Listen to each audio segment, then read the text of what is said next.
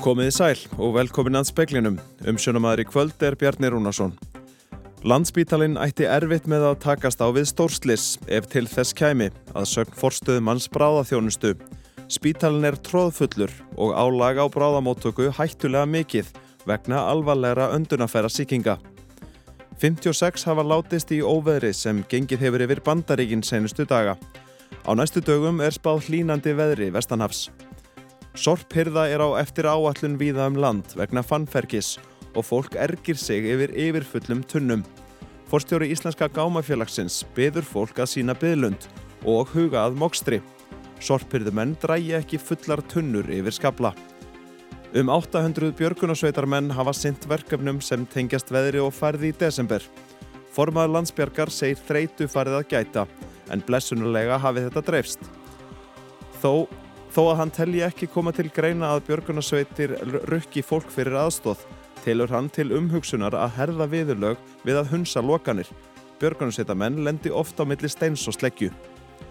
Ákveðu hefur verið hvað kemur í stað umdeildra stittu í smábæi í Virginíuríki sem eðlöð var í mótmælum árið 2020. Fyrirmynd nýra stittu hefur verið kölluð móðir nútíma læknavísinda. Mikið álag er á bráðamótugu landsbítalans. Þar eru nú nær 100, 100 manns þrátt fyrir að aðeins sé pláss fyrir 40. Forstöðumadur bráða þjónustu segir að spítalinn ætti erfitt með að takast á við stórslis ef til þess kæmi og það sé sérstaklega slæmt í þeirri vetrarferð sem er um allt land. Fólk haldið umgangspestum, influensu og hinnum ímsu koronavirum þar meðal COVID-19 hefur streymt á bráðamótugu landsbítalans síðustu daga. Í gær þurftu 47 að leggjast inn á bráðamótökuna, þrátt fyrir að ekki sé gert ráð fyrir að fólk leggist þar inn. Dæmið er um að fólk þurfa að leggja þar í alltaf þrjá sólarhinga áður en það kemst á aðrar og viðegandi deildir spítalans. Þetta er hinn markumtalaði fráflæðisvandi. Um 80 til 100 manns hafa verið á bráðamótökunni síðustu daga, þrátt fyrir að þar sé hans gert ráð fyrir plássi fyrir 40 manns. Sjúklingum er þá komið fyrir á göngum. Már Kristjánsson er forstuðumöðu livlækninga og bráðaþjónustu á landsbítala. Spítalinn er alveg tróðfullu núna og, og bráðamáttökan er mjög full og, og, og sömulegs á gjörðjöslunni þannig að það er bara mjög erfið staða hjá okkur. Már segir erfitt að við hafa almennilegar sóttvarnir við aðstæður sem þessar þótt það sé reynd eftir fremsta megni. Fólk megi alltinn segja von á því að smítast af umgangspestum við það eitt að leita á bráðamáttöku. Þó segir hann enga ástöðu til að ráða fólki frá því að leita þangað. Dyr bráðamáttökunar standa alltaf opnar. Már bendir þó fólki á að í minniháttar veikindum megi frekar að leita á heilsugeslu eða engareknar stöðvar. Þær eru líka opnar eins og venjulega. Staðan hefur óhjákvæmilega áhrif á viðbræðsketu landsbítalans eftir alvarlegra slisa kemi. Við ættum með mjög miklum uh, vandraðum núna með gjörgjastlunar fullar og, og, og yfirlagnar á legudildum og proppfulla bráðamáttöku þá ættum við miklum erfileikum með að taka á móti stóru slisi. Sæði Már Kristjánsson. Alexander Kristjánsson tók saman. Þjóðuður eitt á milli Víkur og Kirkjubæðaklaustus var opnaður nú rétt fyrir frettir. Þar er þótt jæljagangur og vegagerðin varar við hálku.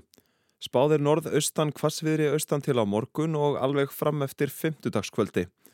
G. Pétur Mattíasson, upplýsingafulltrúi vegagerðarinnar, segir að mögulega komið til lokana á ringveginum á Östurlandi á þeim tíma. Vegkablinn milli Víkur og Klaustus var sá eini á þjóðvegi eitt sem lokaður var í dag vegna ófærðar en hann hefur nú verið opnaðar að nýju eins og fyrr segir. Og laurglann á Suðurlandi hefur aflétt rýmingu tvekja húsa austur af Vík, þar sem var að var við snjóflóðahættu senti í gerkvöld. Húsinn tvö eru bæði hluti af hóteli við höfðabrekku í Mýrdal. Laurglann byður fólk ennað gæta að ferðum sínum undir bröttum hlýðum. Úrkoma hefur verið það mikil víða, segir laurglann, að hætta er á að spýjur hlaupi fram í fjallendi. Forstjóri Íslenska gámifélagsins byður fólk með yfirfullar ruslatunnur að sína byðlund. Sorpirða er á eftir áallun vegna fannfergis og er byðlað til fólks að móka frá tunnum. Fréttastofa fekk ábendingu frá seyðisfyrði um að ruslatunnur þar væru yfirfullar og fólki vandræðum með heimilisorpið. Eftir því sem næst verður komist náðist ekki að tæma tunnur þar fyrir jólin og hefur losun tafist enn frekar vegna fannfergis. Jón Fransson, forstjóri Íslenska gámafélagsins, segir að tunnur séu víða yfir fullar þessa dagana. Storkirða er nánast allstar þar sem við sjáum svartu eitthvað á eftir áallum og á Östurlandi er þetta svona þeir til fjóri dagar sem við erum eftir á. En þá má náttúrulega ekki gleyma því að það eru margir sem að missa saltblósunum vegna þess að aðgengi er ekki eins og kannski við þurfum að hafa það, þegar við erum að sækja tunnuna. Það er oft fólk svona gleymir að móka frá tunnunum og þá er erfitt um vik að taka kannski 30-40 kíló tunnu og fælast með hana yfir mikla skabla og þá verður við því miður að skilja hann eftir. Þegar þetta er komið á, á þennan stað sem það er, þá er fólk bara að sína bylund og það tekur alveg tvær, þjár vikur að jafna sig aftur því að það er ekki hægt að fjölga á ruslabílunum. Til þess að hægt að koma þess að réttur og aftur, þá er það bara móka frá tunnunum og hugsa aðeins um það hvernig það sjálf myndi ganga með þessa tunnu einhverja 5 eða 10 metra eða 20 metra eða vel. Hvort að það, það gæti það sjálft og ef það getur það þá skulum við losa tunnuna það. Annars verður það að sleppa því. Saði Jón Fransson. Rúnarsnæð Reynisson tók saman.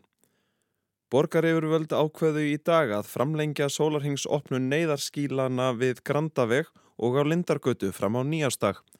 Konukott verður jafnframt opið öllum stundum þegar skjólið, sem hjálparstofnun kirkjunarekur, er ekki opið. Venjan hefur verið að loka neyðarskílum yfir daginn en frá því var horfið svo heimilislöst fólk hefði í einhver húsa að venda í frosthörkunum sem verið hafa undanfarið.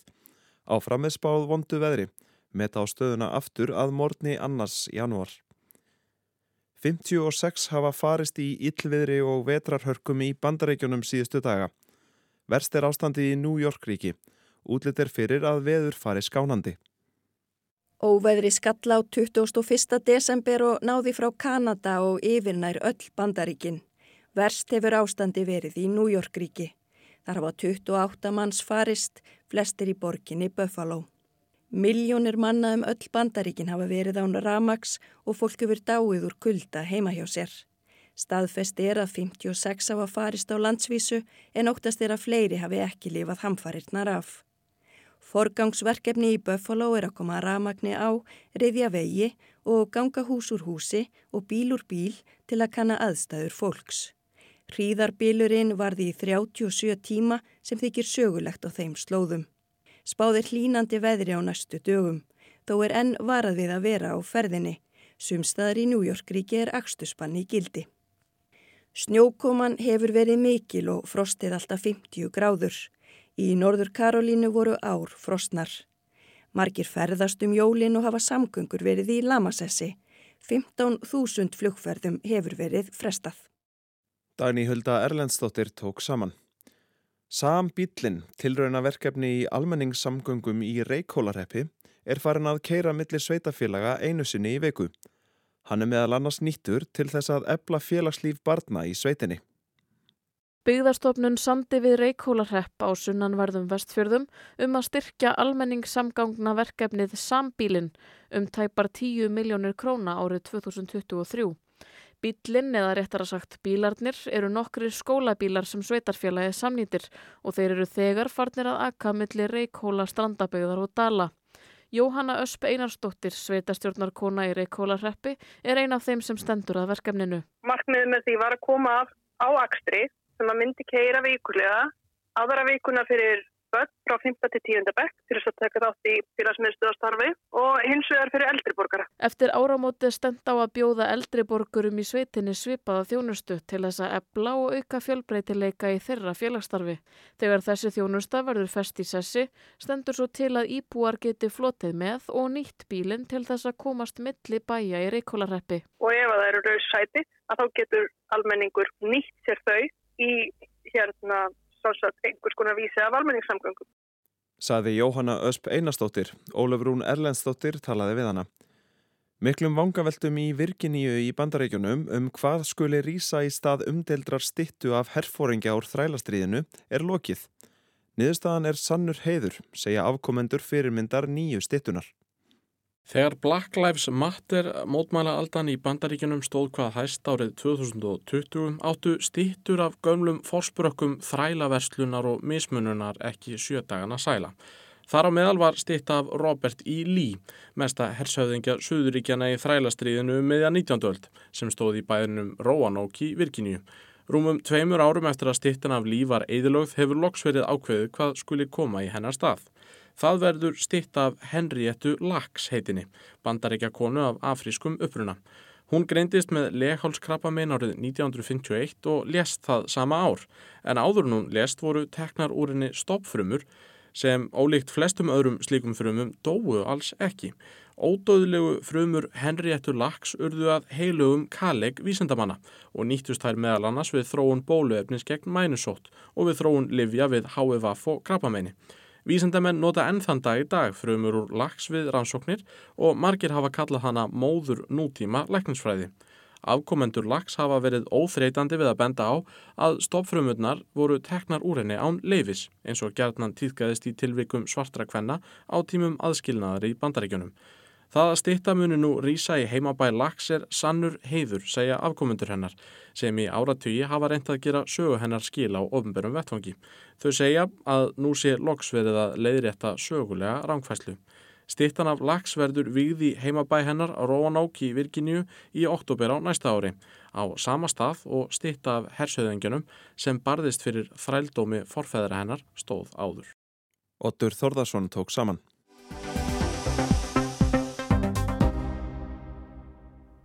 Í morgun blasti kvítjörð við mörgum landsmönnum og ef litið var á færðar kort vegagerðarinnar þá var rauði liturinn sem taknar lokun áberandi.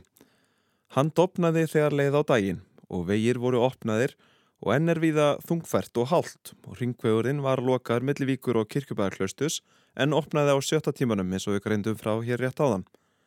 Undarfarnar vikur hafa verið björgunarsveitarmönnum annarsamar og landsbjörg ráðlegur ferðamönnum að huga vel að búnaði bíla sinna. Vanbúin bíl getur orðið fleirum til vandræða en þeim sem í honum er.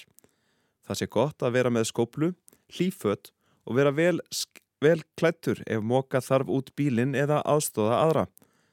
Þá er fólk hvað til að láta vita ferðum sínum og skilja jafnvel eftir ferðaávallun á safetravel.is. Þar er líka að finna upplýsingar um veður og færð Óttir Rapp Sigmarsson, for, formaður landsbjargar, býr í Grindavík. Þar sem, snjó, þar sem snjó kingdi niður í nótt og mikið var fyrir þannig að færðin varð fljótlega mjög þung og mikið að gera. Já, svo sannanlega. Það er náttúrulega búið að vera óbúðslega mikið törn um all land og, og það er svona reyndi sérstaklega á hérna söður frá í nótt en það er búið að vera, það er búið að tölur vera þannig allstaðar. Og þetta er náttúrulega orðin eins og við segjum, þetta er búið að vera svolítið langur strekkur núna eða alveg frá því já, fyrir jól. Já, þetta er svona orðinir 10-11 dagar eitthvað svo vissi, eða bara frá því að byrja að snjóa þá hefur, hefur einhver staðar alltaf verið eitthvað um að vera, eitthvað verkefni og eitthvað svona smá pott og auðvitað, auðvitað mismikið og svona heldur langur kapli. Veistu hvað útköllin hafa verið mörg í desember? Ég er ekki alveg með tölu og því hvað það hafa verið mörg en, en svona samkvæmt okkar tölum að það hafa rúmlega 800 manns tekið þátt í þessum verkefni sem, að, sem hafa verið þessi mánuði. Og eins og við vísum nú til þá hafa verið svona langi dagur langar nætur líka hjá mörgum. Það hlýtur nú að vera komin einhver þreita í mannskapin. Það er auðvitað komin einhver þreita en við svona búum svolítið vel að eiga mikið af fólki og, og svo auðvitað þetta dressar nokkuð, já, annars að Reykjanesið og kringum höfuborgarsæði, Suðurlandi og svo, og svo víðar auðvitað. Þetta svona skiptist á hver álægi er mest hverju sinni. Þannig að fólk hefur svona náða að fara heim og kvíla sig og svona en, en það eru þetta stór vekt í framöndan og margir verið að vinna í að undirbúa fljóðasölur og svo auðvitað jólinn og allt það stús sem fylgir þeim og þannig að já, svona, það er kannski ekki komið treytaði mannskapin en það er svona stutt í það sko. Á þessum tíma það er kannski færra fólk á ferðinni vegna vinnu en, en það er fleira fólk á ferðinni út af einhverju öðru sem tengist jólunum þannig að það er kannski ekkit endilega minna að gera á svona stórháttíða dögum. Sannlega er eitthvað minna fólk á ferðinni það, það er auðvitað bara tölvist mikið að ferða fólki á landinu og svona bara einhvern veginn fólk allstar og fólk har auðvitað að komast ferða sinna og, og þá bara svona þá bara gerast þessi hlutir einhvern veginn og það er og að lítið því að gera það við við búum bara í Íslandi og það koma svona skellir á til sko. Það er oft stutt í neykslunar-tómnin þegar við heyrum af, já, sérstaklega útlendingum sem festast, en það er ekki alltaf þannig að Íslendinga séu barnana bestir í því? Nei, alls ekki og, og það er auðvitað að ætlarseringin að sitja fastur einhver staðar eða, eða trubla það að vegi sér uttir eða eitthvað slíkt og, Þetta er auðvitað bara hluti sem gerast og það eina sem við getum gert er að hvetja fólk til þess að fylgjast vel með, með veðurspá og færð og svona og, og kynna sér ástandið á að heldur að staði í ferðalöfum. En svo þetta bara, kemur þetta í svona kvellum einhvern veginn og það er alltaf einu lendi fólk bara í því að það komir hríðabilur eða, eða bílina undan festist og þá sjálfkrafa sittur þú festuð og þú sést á, á, á þokkalega vilbúinu faratæki sko. Það er alls konar mál í þessu. Veistu það samt hvort að fólk áttar sig á því, horfir á sig kort og þú sér raukt, það er svona nokkuð afdráttalauðst, það er bara lokað. En svo getur verið þungfært og það getur verið þæfingur og það kannski er ekki fyrir hvert sem er að fara af stað, jábel þó sé ekki lokað. Það er alveg rétt og ég, nei, ég er ekki þessum að það átti sig allir á því og, og, og sérstaklega ekki ferðamenn sko og, og ef það er ekki bannmerki að þá hlýtur að vera opið sko. Það er svona kannski stærsta áherslatrið sem við þurfum að fara í núna á, næstu missunum. Það er að að ferða fólki betur og, og finna eitthvað leiðir til þess að koma þessum upplýsingum betur áleiðis sko. Nú hefur tölvört verið millir tannan og fólki síðan á jóladag þegar bárust fregnir af bílstöra sem að festi rútu tvísvar eftir að farið í gegnum lokanir. Svona hvað fannst þér um það?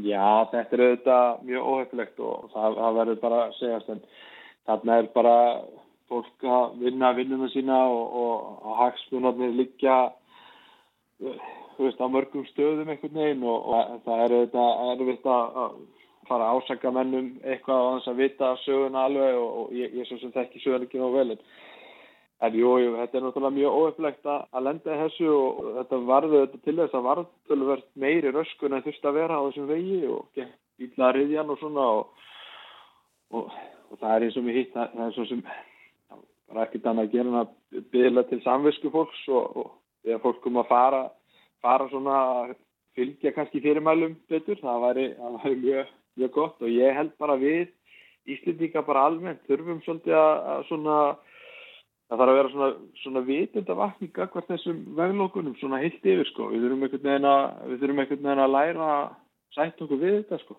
þetta er bara örgismál Lenda menn oft í óþægilegum uppákomu þar sem að menn vilja ekki virða lokanir? Já, allt oft, allt oft. Og það eru auðvitað, auðvitað stendur okkur fólk kannski bara á vaktina eða jafnvel ekki og, og hérna og það eru ymsa lokanir og það lendir því að fólk fari framhjá og svona og, og, það er ekkit allir sammálum að það eigi að vera lokað eða, eða fólk helur sig hafa brítna erindi inn á lokusæði eitthvað svolis og alls konar hagsmuna áreikstana sem að verða til og þetta er auðvitað alltaf reynd að leysa þetta bara í góðu og yfirleitt og oftast gengur það upp sko. Þyrti meiri aðkomu bara lögreglunar? Það er erfitt að setja sjálfbóðaliði í þær kringustæður og þeir séu, standa einhverstaðar og séu að meina mönnum fyrr? Já, klálega það, það er mjög erfitt og já, bæði lögreglu og vegagerð þurfa að ég að betur kannski inn í þetta einhvern veginn og, og við þurfum að upplýsa betur á þeim stöðum þar sem er lokað, sko, af hverju lokað og og ég hugsa að þetta myndi nú kannski breytast rætti ef það verður eitthvað viðlög við því að fara inn á svona, inn á svona svæðist ekki bara þau viðlög ert á einu ábyrg það er ekki, ekki, ekki nóg sko. Það er eitt að þurfa að sækja fólk úr förstu bíl en það þurfa að fara svo að sækja sko koma bílnum eitthvað veginn að veginum til þess að þetta opna eftir þetta, það er alltaf mest að vesum sko. það tefur svo fyrir því að, að veginn er opnið eða, eða, eða svona daglega líf getur haldið áfram sko En kæmi til greina björgunarsveitina að tækju gjald fyrir störf sín? Björgunarsveitina mun ekki fara að taka gjald fyrir svona en það, það eru bara, lefið bara svona í þessu samfélagi og það sem þetta gengur ákveðlega upp svona en það eru þetta þannig að það eru bara verktakar sem að sjáum að, að losa fastar bifriðar og, og, og hafa því atvinni og við viljum bara endilega að slíki verktakar séu nýttir í mun meira mæli sko. En svo eins og gerist svo sem á jóladag og þá bara það verður svo óbúslega margir sko. það er svo margir bílar og mikið af fólki og það verður, verður verkefni svo umfangsmikið. Sko. Nú er náttúrulega ykkar stóra fjáröflun er flugaldasalan er, sem er að byrja fara af stað á morgun. Bori meira á því og svona undanförnum árum að það sé menn séu svona að setja spurningamerki við hana sem bara þetta sé eitthvað sem eigum að vinna markvist gegn frekar. Heldur að það muni hafa áhrif og þurfum við að finna ykkur nýja leiðir? Þetta hefur einhver áhrif auðvitað þegar fram í sækir og, og við auðvitað erum svona með augun opinn fyrir nýjum fjáröfnarliðum en, En eins og staðan er, þá er þetta bara það sem heldur okkur gangandi út árið og við myndum ekki vilja að sleppa þessu þó við vildum gerna kannski selja eitthvað annað eða hafa þetta einhvern veginn öðruvísi en þetta er svona verkefni sem við erum í og við erum bara bjastin á framhaldið og við hefum gert okkar besta í að svona mika gera flugutana umhverjusvætni og svona betri og mika sorpið í kringu það og flera og, og auðvitað gera það eitthvað öðrugari en þetta eru vissulega flugunar. Nú ert þú í Grindavík, það er alveg svona þokkalega fært, það er innan bæjar eða ekki, hvað ætlar að gera sem eftir í dags? Ég held ég fari bara heim og leggja mig, ef ég var að segja alveg svo þess. Það er svona góð tíð framöndan og það er ágætt, en ég held að hérna kottin verði svona næsti viðkomustöður. Saði Ótti Raffn Sigmarsson, Anna Kristín Jónsdóttir rætti við hann um miðjandaginn.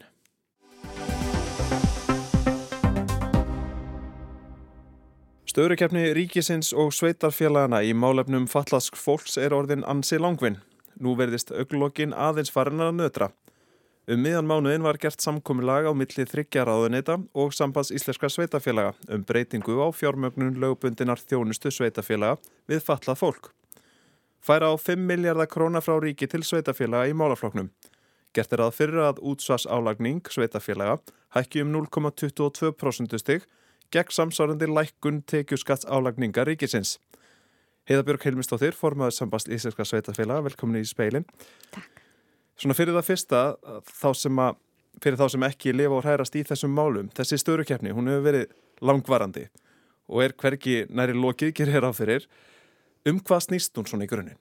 Í grunninn snýst hún um það að e, þegar að málaflokkur fallast fólks og alls úr þjónustar sem að falla fólk á þetta rétt á, ábrunn á því var færð yfir til sveitafélagana, að þá var gerður ákveðin áallanir og samið um ákveðina, ákveðina tekjur sem sveitafélagin ætti að fá til að standa ströym af þeim kostnæði. Og þar hefa ekki gengið eftir, þar að segja að kostnæðurinn hefur verið meiri heldur en gert það ráðfyrir, þannig að sveitafélagin hafa verið að nota meira fjö í, í þjónustu við þannig mikilvæg og stóra hóp fólks á, í þessu landi heldur en að tekjurnar í rauninni standa undir sem þýðir þá að við erum að taka fjármag sem ætlað er í aðra hluti í þessa þjónustu og núna er staðan orðin þannig að þetta er, þetta er það stór biti að við getum í rauninni ekki haldið svona áfram og höfum verið álíkt um það og fyrst og fremst er það þetta það að við viljum líka að falla fólk fái þá þjónustu sem þeir eiga rétta og þurfa. Þetta snýst alltaf fyrst og fremst um reyndi fallast fólks og að, að okkur sé gert klift að standa með þeim sóma að þeirri þjónustu við þau eins og við viljum, viljum gera og, og í rauninni alþingi hefur falið okkur að gera.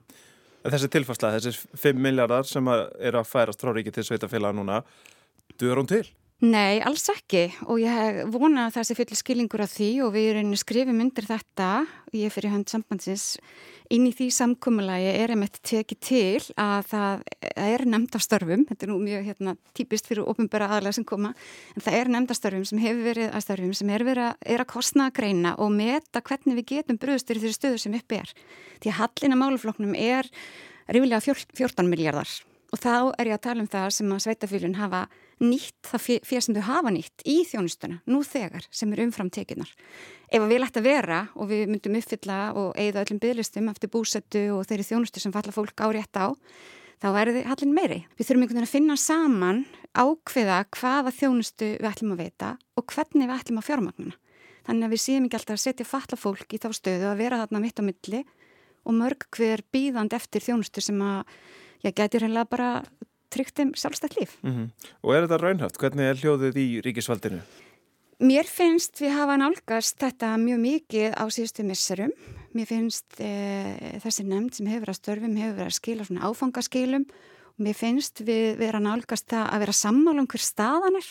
Það er þessi tortrygni á milli ríkis og sveitafélaga sem, sem að er bagaleg og við þurfum einhvern veginn að reyna að vinna meira að því að skapa meira tröst á milli aðala og, og, hérna, og þess vegna höfum við tekið fullan þáttu þessu og það múið skoða allt saman, allt hvernig sveitafélagin gera þetta. Þegar stundum heyru við að við séum að þá að, að fara var, óvarlega með fér sem við auðvitað höfnum alfarið en við skiljum hins vegar á saman tíma og, og ríkið er að auka fjármag sem fyrir sveitafélagina þegar við viljum fullvisa sig um það og þá er það bara velkomið og við vonumst til þess að núna í april þegar þessi niðurstað kemur að lokum frá þessari nefnd að þá getum við bara eitt skipti fyrir all sest yfir þetta og ákveði það og sagt fólki hvaða þjónustu við ætlum að vita og hvernig við ætlum að fjármagnana þannig að, að, þannig að við sem heldur ekki alltaf að samþykja lög og alþingi sem að veita fólki réttindi sem það síðan fær ekki því það er líka, það er ekki gott samfélag sem er þannig. Þetta skref breytir þetta þjónustinni til þessa fólks með ykkur með því? Í rauninni ekki, því miður. Ég myndi gætnan vilja segja það, en þetta í rauninni gerir það verkum að sveitafélagin fá aðeins upp í þann hallar sem að þau hafa verið að sína núna undarfærið og við erum auðvitað á þannig stað að stærstur hluti sveitafélaga er að reyka sig í halla sem þýðir að við erum að eigða meiru en við fáum og það er graf alveg stað og þetta fyrir rauninni bara upp í það að tryggja þá að það verð ekki nýfuskurður meira en þetta á þjónustunni. Mm -hmm. Og það eru auðvitað eitthvað sem við getum ekki af því að lögin eru þannig að fólk á rétt á þessu þannig að við, við gefum okkur þennan tíma fram í april til þess að finna endalega löst. Mm -hmm. En það er ljóst að það er að koma meira að koma til. Saði Heiða Björg Hilmistóttir.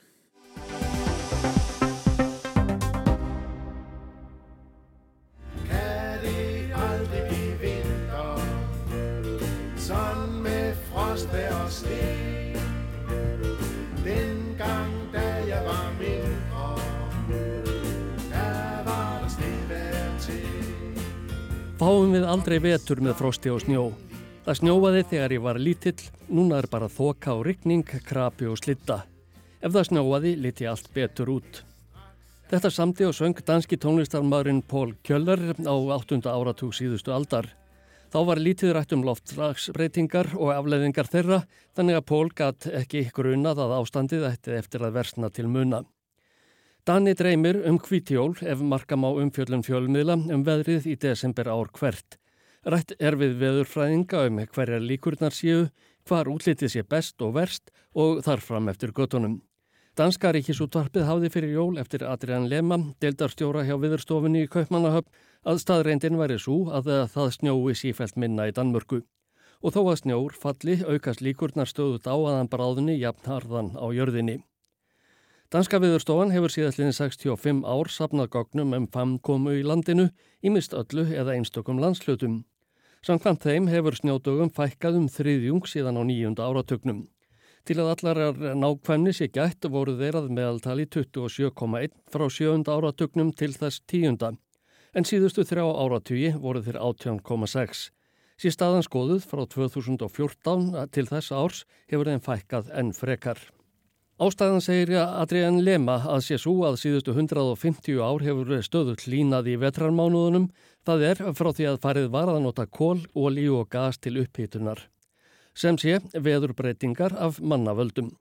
Síðari hluta 19. aldar, eh, frá því að farið var að fylgjast kerfisbundið með tíðarfari, var meðal hitin í Danmörku við frostmark yfir vetrarmánuðina. Nú er hann e, tvö stegi pluss. Það er raunar meira en meðal hitin í landinu allt árið. Losun gróðurhúsalóttegunda hefur hækkað hítasti á jörðinu um 1,1 stig. Í Danmörku hefur það hækkað um 1,5. Í lok 19. aldar var frostað meðaltali í 62 daga á hverjum vetri í Danaveldi. Það er komið niður í 43 daga. Fimm hlýjustu vetur í landinu frá árinu 1874 kom allir eftir 1988. Þetta þýðir að líkurnar á snjókomu minga stöðugt. Adrian Lema, veðurfræðingur, segir í viðtalinu við Danska ríkisútvarpið að auðvitað getið snjóa hressilega en sífælt drægi úr líkonum áðví. Miðað við núverandi ástand megi gera ráð fyrir þremur snjóadögum yfir veturinn. Um næstu aldamót má búast við einum. Samkvæmt öllu þessu er hægt að rekna með því að það snjói 13. hvert ár í Danmörku að jólum. Það þýðir með öðrum orðum að dönsk börn geta búist við einum hvítum jólum áður en þau ná táningaaldri. Ligesom dengang, da jeg var mindre For der var det snevertid Og það var Ásker Tómasson sem tók saman. Það var helst í speklunum í kvöld að landsbítalinn ætti erfitt með að takast á við stórslis ef til þess kæmi að sögn forstuðu manns bráðaþjónustu. Spítalinn er tróðfullur og álaga á bráðamótugu hættulega mikið vegna alvarlegra öndunafæra 56 hafa látist í óvæðri sem gengið hefur yfir bandaríkinn senustu daga Á næstu dögum er spáð hlínandi veðri vestanhafs. Sorphyrða er á eftir áallun viða um land vegna fannferkis og fólk ergir sig á yfirfullum tunnum. Forstjóru Íslenska gámafélagsins byður fólk að sína byðlund og hugað mokstri. Örstuðt að, að veðri, gul viðvörun tekur gildi á morgun á Suðausturlandi og á östfjörðum vegna norðaustan hríðar 13-20 metrar á sekundum með snjókumu. Það er ekki fleira í speiklunum í kvöld, tæknum aður var Mark Eldredd Frett átsendingu stjórnaði Yngibjörg Sara Guðumsdóttir. Njóti kvöldsins og verið í sæl.